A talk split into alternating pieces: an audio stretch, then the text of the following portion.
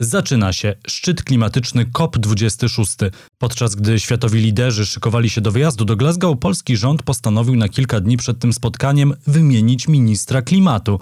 Świetny timing. Ale ale jest alternatywna delegacja na szczyt klimatyczny złożona z aktywistek i aktywistów. W jakich nastrojach i z jakimi oczekiwaniami jadą i czym?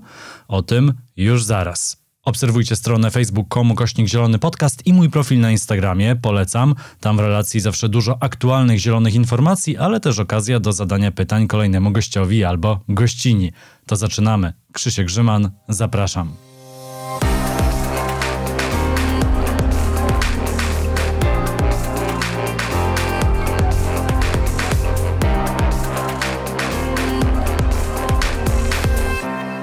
W Zielonym Podcaście e, dzisiaj e, dwie gościnie, e, osoby reprezentujące alternatywną delegację na szczyt klimatyczny COP26, czyli Wiktoria Jędroszkowiak i Marta Palińska. Dzień dobry. Dzień dobry. Dzień dobry. Aktywistki klimatyczne. Wiktoria także autorka audycji podcastu Klimat w Nuance Radio. Szczyt klimatyczny, jeżeli ktoś słucha podcastu w dniu premiery, zaczyna się właśnie dzisiaj. My rozmawiamy kilka dni wcześniej, bo na szczyt się wybieracie i wybieracie się nie samolotem, tylko takimi no, trochę lepszymi formami transportu lepszymi, ale też bardziej uciążliwymi i takimi, które ewidentnie nie dają nam przestrzeni na to, żeby było nam łatwiej, dlatego że wybieramy pociągi i autobusy, a wybieramy dlatego, że, że jest nas 13 osób i e, my w różnych dniach w tym tygodniu będziemy powoli udawać się do Glasgow. E, my wyruszamy już dzisiaj, czyli w poniedziałek i e, mamy nadzieję dotrzeć do Londynu e, w środę właśnie, bo my jeszcze e, i kilkoro z nas przed samym szczytem w Glasgow będzie w Londynie na strajku 29 listopada, gdzie protest FFF, czyli, czyli Fridays for Future, tego takiego międzynarodowego ruchu, który jest odpowiednikiem polskiego młodzieżowego strajku klimatycznego, będzie dotyczył tego, w jaki sposób COP jest finansowany. Czy ja mogę jeszcze dodać coś do y, wątku y, podróżowania? Tam powiedziałeś, że my jedziemy... Oczywi oczywiście możesz. Najpierw mówiła Wiktoria, żeby rozpoznać głosy, teraz mówi Marta. tak. To tylko raz trzeba przedstawić w radiu i potem już wszyscy kojarzą. Bardzo. Yy, no właśnie, bo powiedziałeś, że my podróżujemy tam lepszym środkiem transportu, natomiast przygotowując się do tego wyjazdu... No lepszym dla klimatu. Lepsz, właśnie, lepszym dla klimatu, ale chciałam powiedzieć o tym, że, że to jest odczuwalna uciążliwość. Po pierwsze, która się objawia różnicami w cenie w ogóle, a po drugie też ilością czasu, która jest potrzebna na taką podróż. I to bardzo pokazuje, jak nie jesteśmy blisko jeszcze rozwiązania problemu, który mamy z kryzysem klimatycznym, bo żyjemy w sytuacji, w której to wiemy, że mamy problem, wiemy, że musimy go rozwiązać, natomiast opcja, która jest najwygodniejsza, najszybsza i najtańsza, to jest opcja, która jest najbardziej niebezpieczna dla klimatu właśnie. I, I to wcale nie jest tak, że to takie opcje, które są mniej emisyjne, są jakoś właśnie faworyzowane w tworzonych politykach, yy, tylko no właśnie, wciąż to jest uciążliwe. Tak, no ale mimo wszystko y, to też jest jakiś y, sposób zwrócenia na to uwagi i pokazania, że to jest duże wyzwanie i że, ich, że jego rozwiązanie będzie musiało przebiegać też na wielu poziomach, między innymi takim. Rozpoczyna się 26. szczyt klimatyczny, konferencja stron ramowej konwencji w sprawie e, zmian klimatu, taka jest e, pełna nazwa.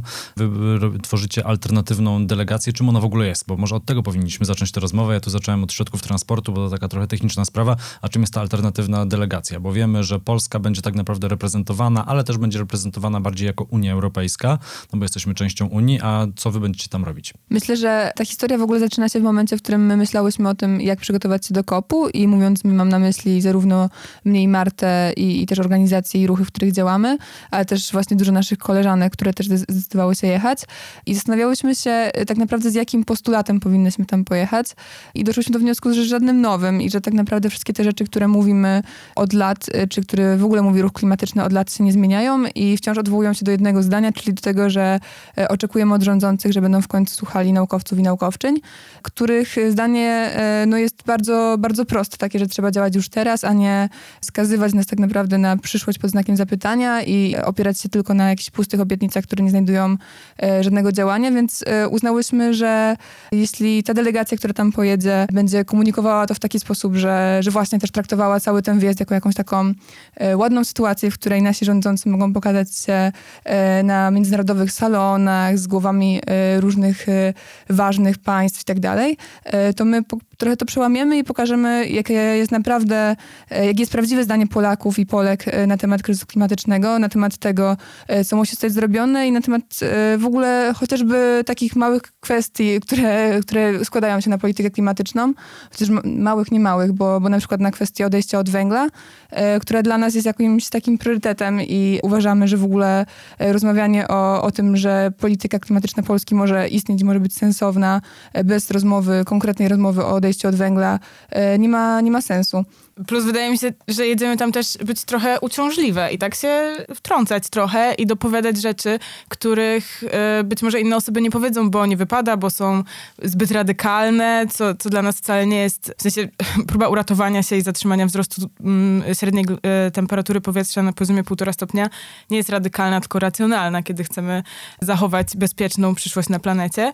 Więc jedziemy tam wiedząc, że, że są osoby, które trudno jest się przyzwyczaić do tej zmiany, której której potrzebujemy, wiedząc, że będziemy na, nazywane rozhisteryzowanym tłumem, ale jest nam bez różnicy trochę, jak będziemy nazywane, bo o to chodzi i, i chcemy, żeby ten, bo to, to jest głos nauki, a jest zbyt niewygodny, żeby wybrzmiewał i dla nas to jest ważne, bo chodzi o naszą przyszłość i my to będziemy mówiły będąc tam. I no właśnie, i chcemy zadbać o to, żeby cały ten problem był rozumiany szeroko i, i żeby jego różne, różne strony y, wybrzmiewały i też Wiktoria mówiła na samym początku o finansowaniu kopu i to jest jeden z takich przykładów, gdzie widzimy, że niby temat kryzysu klimatycznego jest ważny i coraz więcej osób go rozumie i coraz więcej się o nim mówi i otwiera się jakieś po prostu Ministerstwa Klimatu na przykład, ale nikt... No w Polsce Ministerstwo Klimatu to jednak greenwashing. No właśnie i to jest właśnie wszystko greenwashing i nawet jest właśnie szczyt klimatyczny, który jest organizowany przez ONZ, a, a jednocześnie jest sponsorowany przez firmy, które zajmują się przemysłem związanym z paliwami kopalnymi i, i to jest bez sensu, bo dl dlaczego organizujemy szczyt, na którym mamy rozmawiać o uratowaniu się, o odchodzeniu od węgla, a jednocześnie stwarzamy stwarzamy tą przestrzeń dla osób, które niszczą nam przyszłość i, i, robią rzeczy, które powinny być w normalnym świecie i normalnej rzeczywistości nielegalne tak naprawdę. Jest też tak, że e, ja wyobrażam sobie te obrady jako takie obrady, które dzieją się przy stole i e, jest masa osób, które do tego stołu nie są dopuszczone i to z jednej strony są takie osoby właśnie jak my, czyli te osoby, które są uznawane za jakieś rozhisteryzowane po prostu nastolatki, wieczne nastolatki, e, które aż wysłuchują głosu nauki, ale to też jest rzesza osób z krajów globalnego południa i to jest też coś, na co my e, chcemy zwrócić uwagę tym razem bardzo, e, czyli to, że razem z nami, z aktywistami z Polski, z Niemiec, ze Szkocji, e, ze Szwecji, z Hiszpanii, z wielu, wielu innych państw europejskich, będą z nami też osoby z innych części świata, w tym właśnie z krajów MAPA, czyli tych, które są kryzysem klimatycznym już teraz najbardziej dotknięte, żeby usłyszeć ich historię i to, z czym zmagają się na co dzień i też to, czego żądamy tak naprawdę od Unii Europejskiej, czy, czy czego możemy żądać od Unii Europejskiej, czyli to, żeby Unia zdecydowała się na finansowanie transformacji Unii i, na, i, i wielu innych y, rzeczy, które są potrzebne do, do zatrzymania kryzysu klimatycznego w tych miejscach, które za kryzys klimatyczny odpowiadają znacznie mniej, a które y, dostają za niego znacznie, znacznie mocniej. W tym miejscu polecam pierwszy odcinek czwartego sezonu Zielonego Podcastu. Tam rozmawialiśmy z Marcinem Kowalczykiem, czyli szefem zespołu klimatycznego WWF e, Polska, ekspertem koalicji klimatycznej.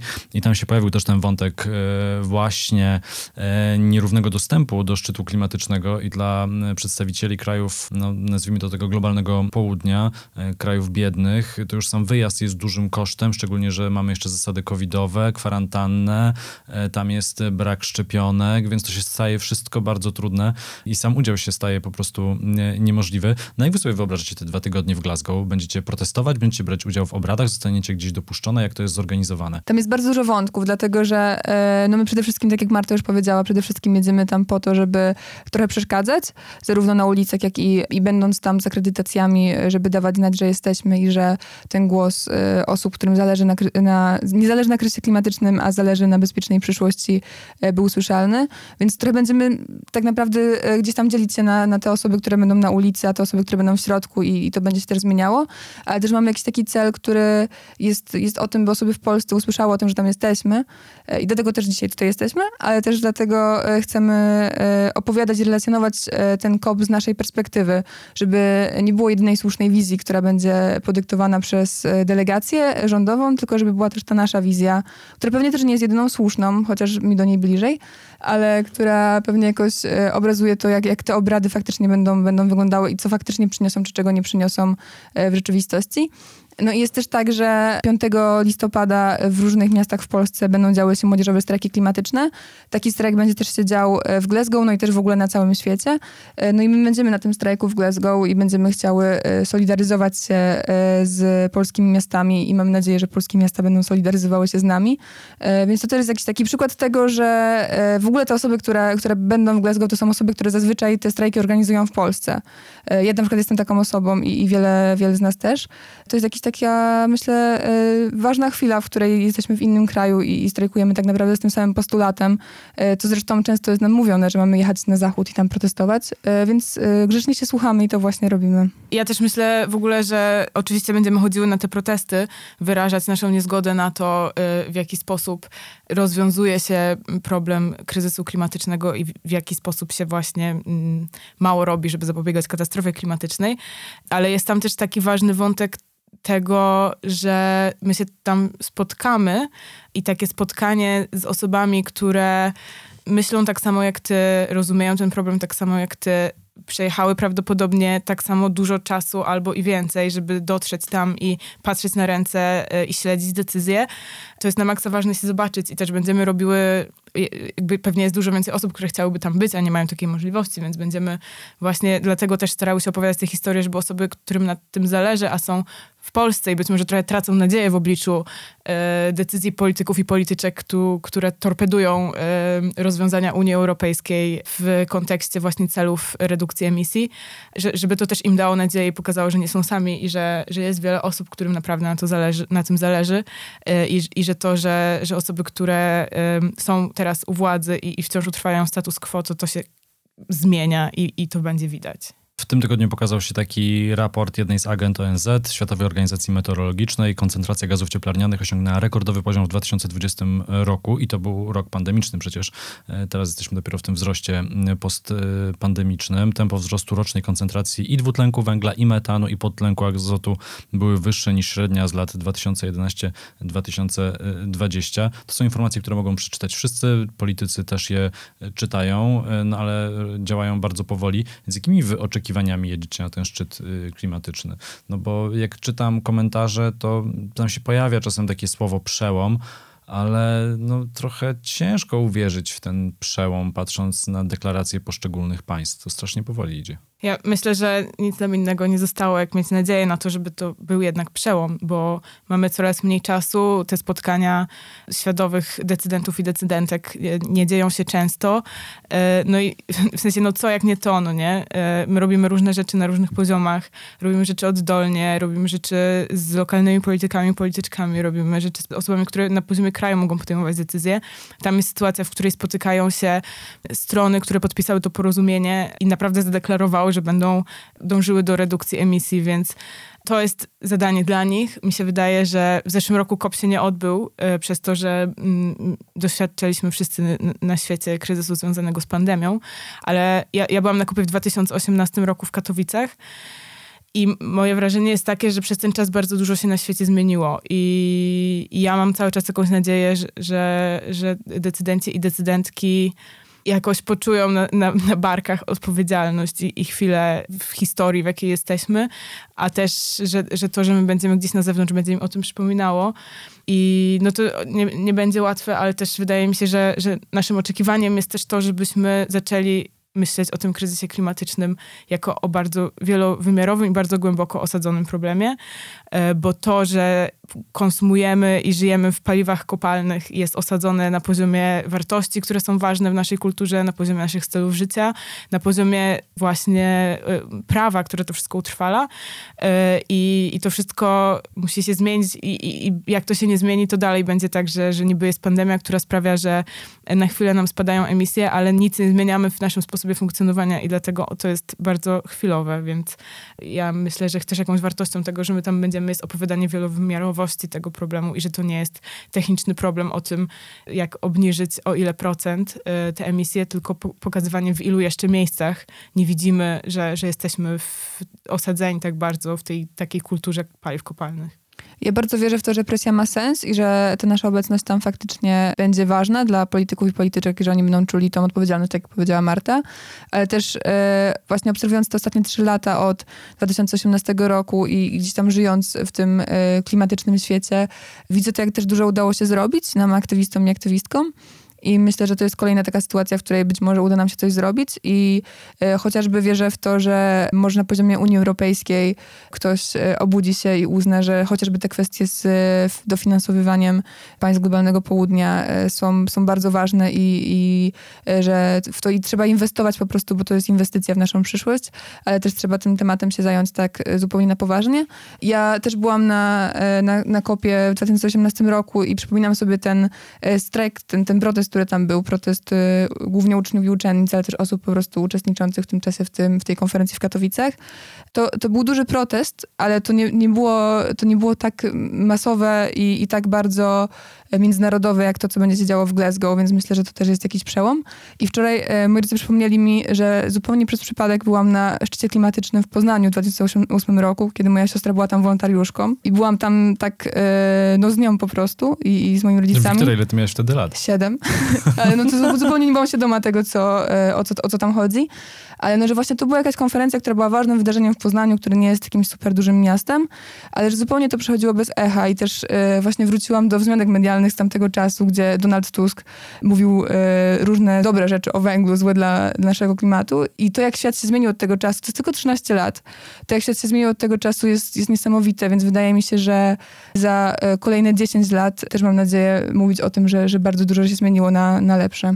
Ja jeszcze tylko chciałam dodać, że poza tym, że ja wierzę w to, że, że tam się coś stanie i, i decydenci i decydentki jednak staną na wysokości zadania, to ja wierzę też w to, że to będzie taki moment, w którym będziemy mogli opowiadać te historie w wielu mediach i to jest też właśnie jakaś, jakieś oczekiwanie i nadzieja związana z, z mediami, które są w Polsce i że opowiadanie tej historii pozwoli nam dotrzeć do kolejnych osób w Polsce, bo tak jak Wiktoria powiedziała, ja też wierzę w to, że presja ma sens i tylko żądając tych zmian konsekwentnie i właśnie jakoś tak ciesząc się z małych sukcesów, takich jak to, że jak bardzo zmieniła się debata publiczna, e, żeby się nie wypalić i nie zniechęcić, ale jednak e, ciągle powiększając e, to grono osób, które domagają się zmian, robiąc to po prostu na, na, na każdy możliwy sposób, który przychodzi nam do głowy i właśnie robić to cały czas, dopóki ta zmiana nie zostanie wprowadzona. Wydaje mi się, że to, to też jest jakaś wartość, którą może przynieść nasze bycie tam i pewnie jest też jakimś rozwiązaniem, które mi się wydaje najbardziej prawdopodobne, że zadziała. W tej rozmowie to raczej ja jestem pesymistyczny. Marta e, optymistycznie mówiła z nadzieją. Zresztą jest teraz nowy dokument Jonathana Ramseya, Nadzieją miara ostatnia. E, Jonathan i, i Tytus Kiszka byli tutaj gośćmi w, w zeszłym tygodniu. Jeżeli ktoś jeszcze dokumentu nie widział, to powinien go y, zobaczyć. I obserwować też osoby, które są bohaterami, bohaterkami tego dokumentu, bo one również będą na kopie w, w dużej większości chyba. Tak, w większości.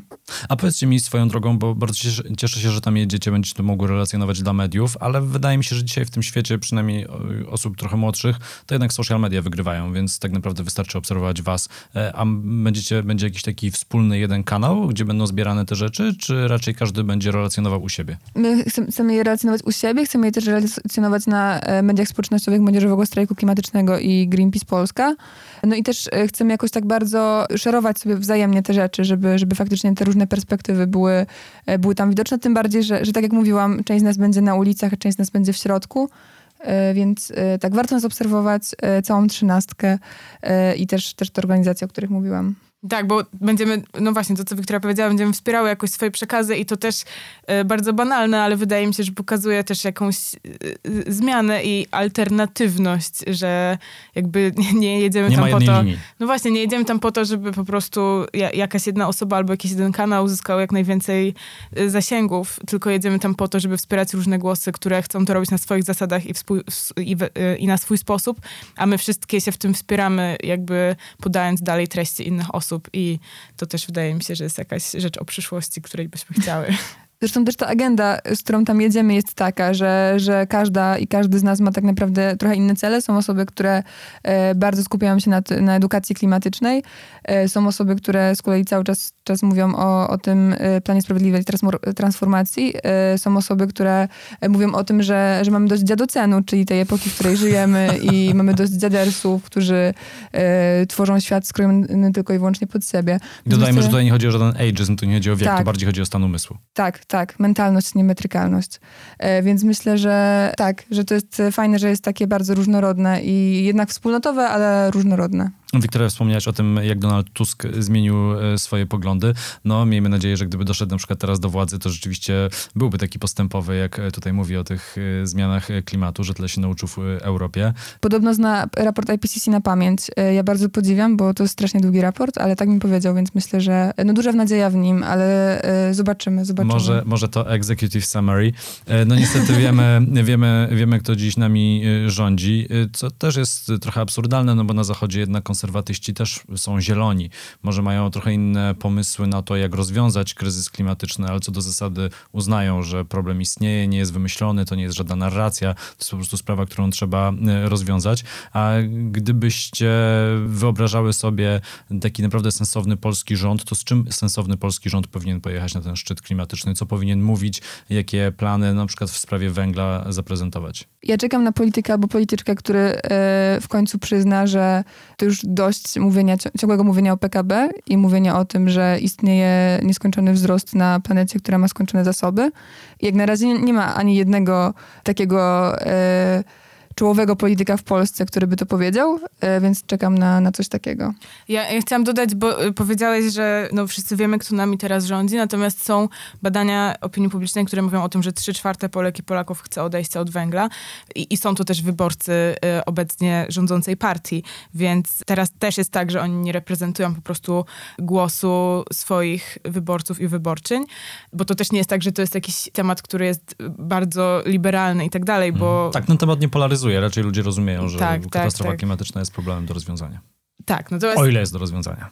Ja y, też y, myślę sobie o tym, że poza tym, że powinniśmy odejść od węgla i zadbać o osoby, które teraz są zatrudnione w przemyśle górniczym, wydobywczym, to nie powinniśmy skupiać się tylko na górnictwie, bo jest wiele miejsc w gospodarce, które opierają się na paliwach kopalnych i przed nami będzie też transformacja rolnictwa, które nie może się opierać na fermach przemysłowych, a w Polsce jest coraz więcej ferm przemysłowych. To musi być zmiana w tym, jak podchodzimy do e, zarządzania lasami. Powinniśmy właśnie jakby przestać nimi zarządzać i dać im, e, dać im się, tak jak się kiedyś mówiło o Puszczy Białowieskiej, żeby dać puszczy się zapuszczać, to to właśnie musimy zrobić z lasami. I wydaje mi się, że to też będzie przestrzeń na jakby całą masę też y, inwestycji w, w jakieś takie dobra wspólne, no właśnie w transport publiczny, który mógłby dać jakąś alternatywę dla obecnie dominującego y, sposobu, czy tam schematu, czy praktyk, które polegają właśnie na dojeżdżaniu do pracy samodzielnie samochodami, co generuje kolejne emisje. Skrócenie czasu pracy to są rzeczy, które się pojawiają, które jedno, z jednej strony obniżają emisje, z drugiej strony sprawiają, że mamy więcej czasu na to, żeby żyć mniej emisyjnie, czyli żeby dojeżdżać do pracy 12 minut rowerem, a nie 3 minuty samochodem, albo żeby e, poświęcić godzinę na przygotowanie jedzenia, które e, nie jest e, przetworzone i, jest wegańskie, a nie jest fast foodem kupionym w 3 minuty w plastiku w sklepie pod pracą, no nie? Więc moim zdaniem po- polska polityka, która odpowiada na wyzwanie w sposób, którego potrzebujemy, widzi te, te wszystkie elementy i to, co ja powiedziałam, to jest tylko kilka z nich, a tak naprawdę potrzebujemy e, też hasło e, kopu w tym roku, jedno z haseł to uproot the system, czyli e, trzeba dojść do korzeni i je odmienić e, i to mi się wydaje, po polsku nie ma dobrego przełożenia, ale oddaje to, czego potrzebujemy. Tak naprawdę to tak. E, Budownictwo, e, cały handel, cały transport, przemysł. No w zasadzie wszystkie branże wymagają dzisiaj ogromnej przemiany. No dobra, a skąd wy bierzecie i czerpiecie wiedzę? No bo, kurczę, jesteście bardzo młodymi osobami. Już nie takimi młodymi. No właśnie, tak wyglądamy. Nie, nie, nie. Jesteście, jesteście jeszcze bardzo młodymi osobami. To jest super. Ja w ogóle bardzo to podziwiam, że to wszystko robicie i bardzo to podziwiam, że to się wszystko zaczęło w 2018 roku. Mój no to aktywizm... się zaczęło wcześniej u, y, u, u Marty, ale to, to, to opowiedz. Mój aktywizm się zaczął w 2014 roku, bo ja pochodzę z miejsca, w którym planowano wydobywanie węgla brunatnego, co oznaczałoby zniszczenie y, kilkunastu miejscowości, wysiedleniu, y, wysiedlenie osób. I ja wtedy się zaangażowałam w ten temat i zaczęłam działać. E, więc trochę to już trwa. Natomiast no, ja też w tym czasie zdążyłam skończyć studia i nie studiowałam e, energetyki ani ochrony środowiska. Studiowałam nauki społeczne, które wydaje mi się, że też stają na wysokości zadania, jeżeli tylko się chce, to to jest bardzo pomocne, żeby właśnie zrozumieć sposoby funkcjonowania społeczeństwa, ale też dlaczego tak trudno jest nam dokonać zmiany. No czytamy raporty naukowe, to nie jest takie trudne wcale. tak. Nie, nie, to pytanie w ogóle nie jest podchwytliwe, ja po prostu chcę pokazać, że tak naprawdę dojście do tych wszystkich informacji, do tej wiedzy nie jest trudne. To, że politycy tego nie robią, to wynika tylko i wyłącznie z tego, że nie chcą. Ja myślę, że to też wynika, e, na przykład w moim przypadku to bardziej wynika e, z, z takiej świadomości emocjonalnej i gdy ja dowiedziałam się o kryzysie klimatycznym i jakby o skali tego, co, co mnie już spotyka tak naprawdę na co dzień, a czego nie dostrzegałam tak gołym okiem, to uznałam, że wszystkie inne walki społeczne, które dla mnie są ważne, czyli walka o prawa kobiet, walka o, o prawa mniejszości, walka o praworządność, jakieś takie różne, czy, czy, czy o obronę demokracji, takie rzeczy, które, które były dla mnie ważne i też skąd bierze się, się mój aktywizm jakiś taki e, wczesny, są po prostu nieważne w w kontekście kryzysu klimatycznego, dlatego że kryzys klimatyczny e, będzie wszystkie te kryzysy właśnie praw mniejszości, czy, czy, czy, czy, czy nie wiem, kryzys demokracji będzie tylko zaostrzał i uznałam, że e, jeśli, jeśli o coś walczyć, to, to najpierw o klimat, bo, bo za tym klimatem idą, idą ludzie, idzie cała planeta, e, którą też e, musimy zrozumieć i jakby poczuć się jej częścią, a nie czymś zupełnie osobnym. Więc myślę, że jak już ma się tą świadomość, to trochę trudno przejść obok tego obojętnie. E, i wtedy te fakty e, już same do ciebie docierają. To teraz wracając do szczytu klimatycznego, który się rozpoczyna, czy postawiliście sobie jako to alternatywna delegacja jakiś cel tego wyjazdu? Ostatnio jak rozmawialiśmy z Tytusem, to Tytus mówił, że cel musi być jakiś mierzalny po to, żeby nie mieć rozczarowania na koniec, bo jak się powie zatrzymać katastrofę klimatyczną, to wiadomo, że się tego nie da osiągnąć w ciągu jednego, jednej wizyty y, gdzieś. A czy dla was jest jakiś taki mierzalny cel? Nie wiem, dlaczego się tutaj uśmiechacie? Zupełnie mnie nie dziwi, że Tytus tak powiedział. Ja znam się z Tytusem i też działaliśmy razem w Młodzieżowym Strajku Klimatycznym i często często się o to spieraliśmy, ale okay. to mówię z przymrużeniem oka i, i, bardzo pozdrawiam Tytusa, bo takie spory są ważne, ale no myślę, że też... Yy, ja, ja mam taki cel, który zupełnie niezmierzalny i który jest trochę o, o, właśnie o tej nadziei, o której już mówiłyśmy, czyli o tym, by e, zarówno e, w ramach tego ruchu klimatycznego, w którym, w którym działamy, e, zarazić siebie nadzieją i tym, że, że nie jesteśmy w tym same, po prostu tutaj w Warszawie 13 osób, czy, czy w Polsce 13 osób, bo też ta nasza trzynastka nie jest z Warszawy, tylko jesteśmy z różnych, różnych miast. I, I to jest jakiś jeden cel, ale też drugim celem jest to, by czuć po tym powrocie, że ten czas nie był zmarnowany i że coś jednak w tej debacie się przesunęło, bo mam wrażenie, że, e, że nawet taka garstka osób, kiedy połączy się różne takie garstki osób, może e, bardzo dużo zmienić chociażby świadomości, wiesz, kilku decydentów, którzy mogą potem mieć przełożenie na e, bardzo ważne decyzje. Jeśli nie na tym kopie, to może na kolejnym, albo może w jakiejś innej sytuacji. Więc myślę, że, że samo to wywarcie presji z jakimś już celem, który faktycznie nie, jest, nie może być zmierzony, ale jest myślę równie ważny. Ja, ja rozumiem to, te, to mówienie o tym, że to jest ważne, żeby cel był mierzalny, bo wtedy jest nam jakoś łatwiej rozumieć, co się dzieje. Natomiast mi się wydaje, że w kontekście tak dużego problemu to jest ważne, żeby rozumieć, że zmiana nie wydarzy się z dnia na dzień i że to nie będzie tak, że my pojedziemy i wrócimy i będziemy mieli w Polsce odpowiedzialną politykę, y, która doprowadzi nas do sytuacji neutralności i po prostu regeneracji planety, y, bo to nigdy nie będziemy wiedzieli, co będzie decydującym momentem i nigdy nie będziemy wiedzieli, co, co przeważy tak naprawdę. I musimy się z tym pogodzić i po prostu wywierać presję w każdym momencie, w którym mamy do tego możliwość. I wydaje mi się też, że e, ta mierzalność celów jest ważna, jeżeli potrzebujemy zmian, które są w ramach systemu, które są w ramach tego, co jest politycznie realne, a to, czego my chcemy, jeszcze nie jest politycznie realne i to jest cały czas właśnie wychodzenie z tego i pokazywanie, że, że to, jak my myślimy, jak wiele osób myśli o naszej rzeczywistości i co jest w niej możliwe i co jest w niej realne, to to się właśnie musi zmienić e, i musimy sobie przedefiniować to, co jest możliwe i realne, bo inaczej będzie nam trudno e, zachować ten wzrost temperatury na, na poziomie półtora stopnia. Dlatego mi się wydaje, że, że tutaj, no tak, myślę, że nawet tak, no cel, mierzalne cele, jeżeli chodzi o rzeczy, które wychodzą poza to, co jest teraz realne, y, są trudne, ale mimo wszystko no to jest ważne, żeby działać, bo nie wiemy, co, co dokładnie przeważy. Dziękuję bardzo za wasze e, inne e, spojrzenie. Fajnie się tego słucha. Wiem, że za chwilę macie pociąg, ale zanim uciekniecie, tam jeszcze takie jedno dość szerokie pytanie, ale dotyczące aktywizmu. Samym powiedziałyście, że już nie jesteście takie młode, czyli młodzieżowy strajk klimatyczny e, coraz mniej. Znacie też te teorie zmiany, że 3,5% społeczeństwa musi się aktywnie w coś zaangażować, żeby wywrzeć prawdziwą presję. Widzicie jakąś szansę na, nie wiem, jakąś platformę współpracy, coś, co poruszyłoby więcej ludzi, żeby wyszło na ulicę, żeby nie nie tylko młodzi y, protestowali tak tłumnie w kwestii klimatu, w kwestii katastrofy klimatycznej, żeby to nie tylko były takie pojedyncze akcje, chociaż są świetne Extinction Rebellion, ale coś takiego bardziej masowego. Widzicie teraz y, coś takiego, jakąś szansę, jakąś perspektywę? Ja myślę, że po pierwsze to jest ważne, że o kryzysie klimatycznym mówi się coraz szerzej i to nie jest tylko w jakiejś takiej lewicowej bańce, ale coraz więcej takich mm, konserwatywnych miejsc też zaczyna poruszać y, tę rozmowę I, i te postwzrostowe polityki stają się jakąś taką platformą do mówienia tego, bo one są też bardzo o, o wspólnocie i, i o relacjach i, i no właśnie, i takich wspólnotach trochę innych niż rodzina, ale jednak. Więc y, to jest jedna rzecz. Druga rzecz, y, o której ja myślę, to jest też to, że to jest bardzo ciekawe, jak y, dorosłe osoby mówią, dobrze, że to w końcu jest ta młodzież teraz i teraz mamy tyle nadziei, że oni rozwiążą ten problem. I to trochę jest tak, że my nie mamy tyle czasu, żeby czekać, aż, aż te młode osoby teraz będą w takiej pozycji, w której mogą podejmować decyzje, więc moim zdaniem też jakąś taką rzeczą, której potrzebujemy, to jest to, żeby osoby, które, te, które teraz są u władzy, przestały mówić, ale jesteście cool, że działacie, tylko jakby przeszły ten proces y, y, zrozumienia i wyobrażenia sobie tego, jak dużym problemem jest kryzys klimatyczny i jak wielu rozwiązań będzie wymagał i skorzystały ze swojej pozycji teraz, bo zaraz będzie na to za późno.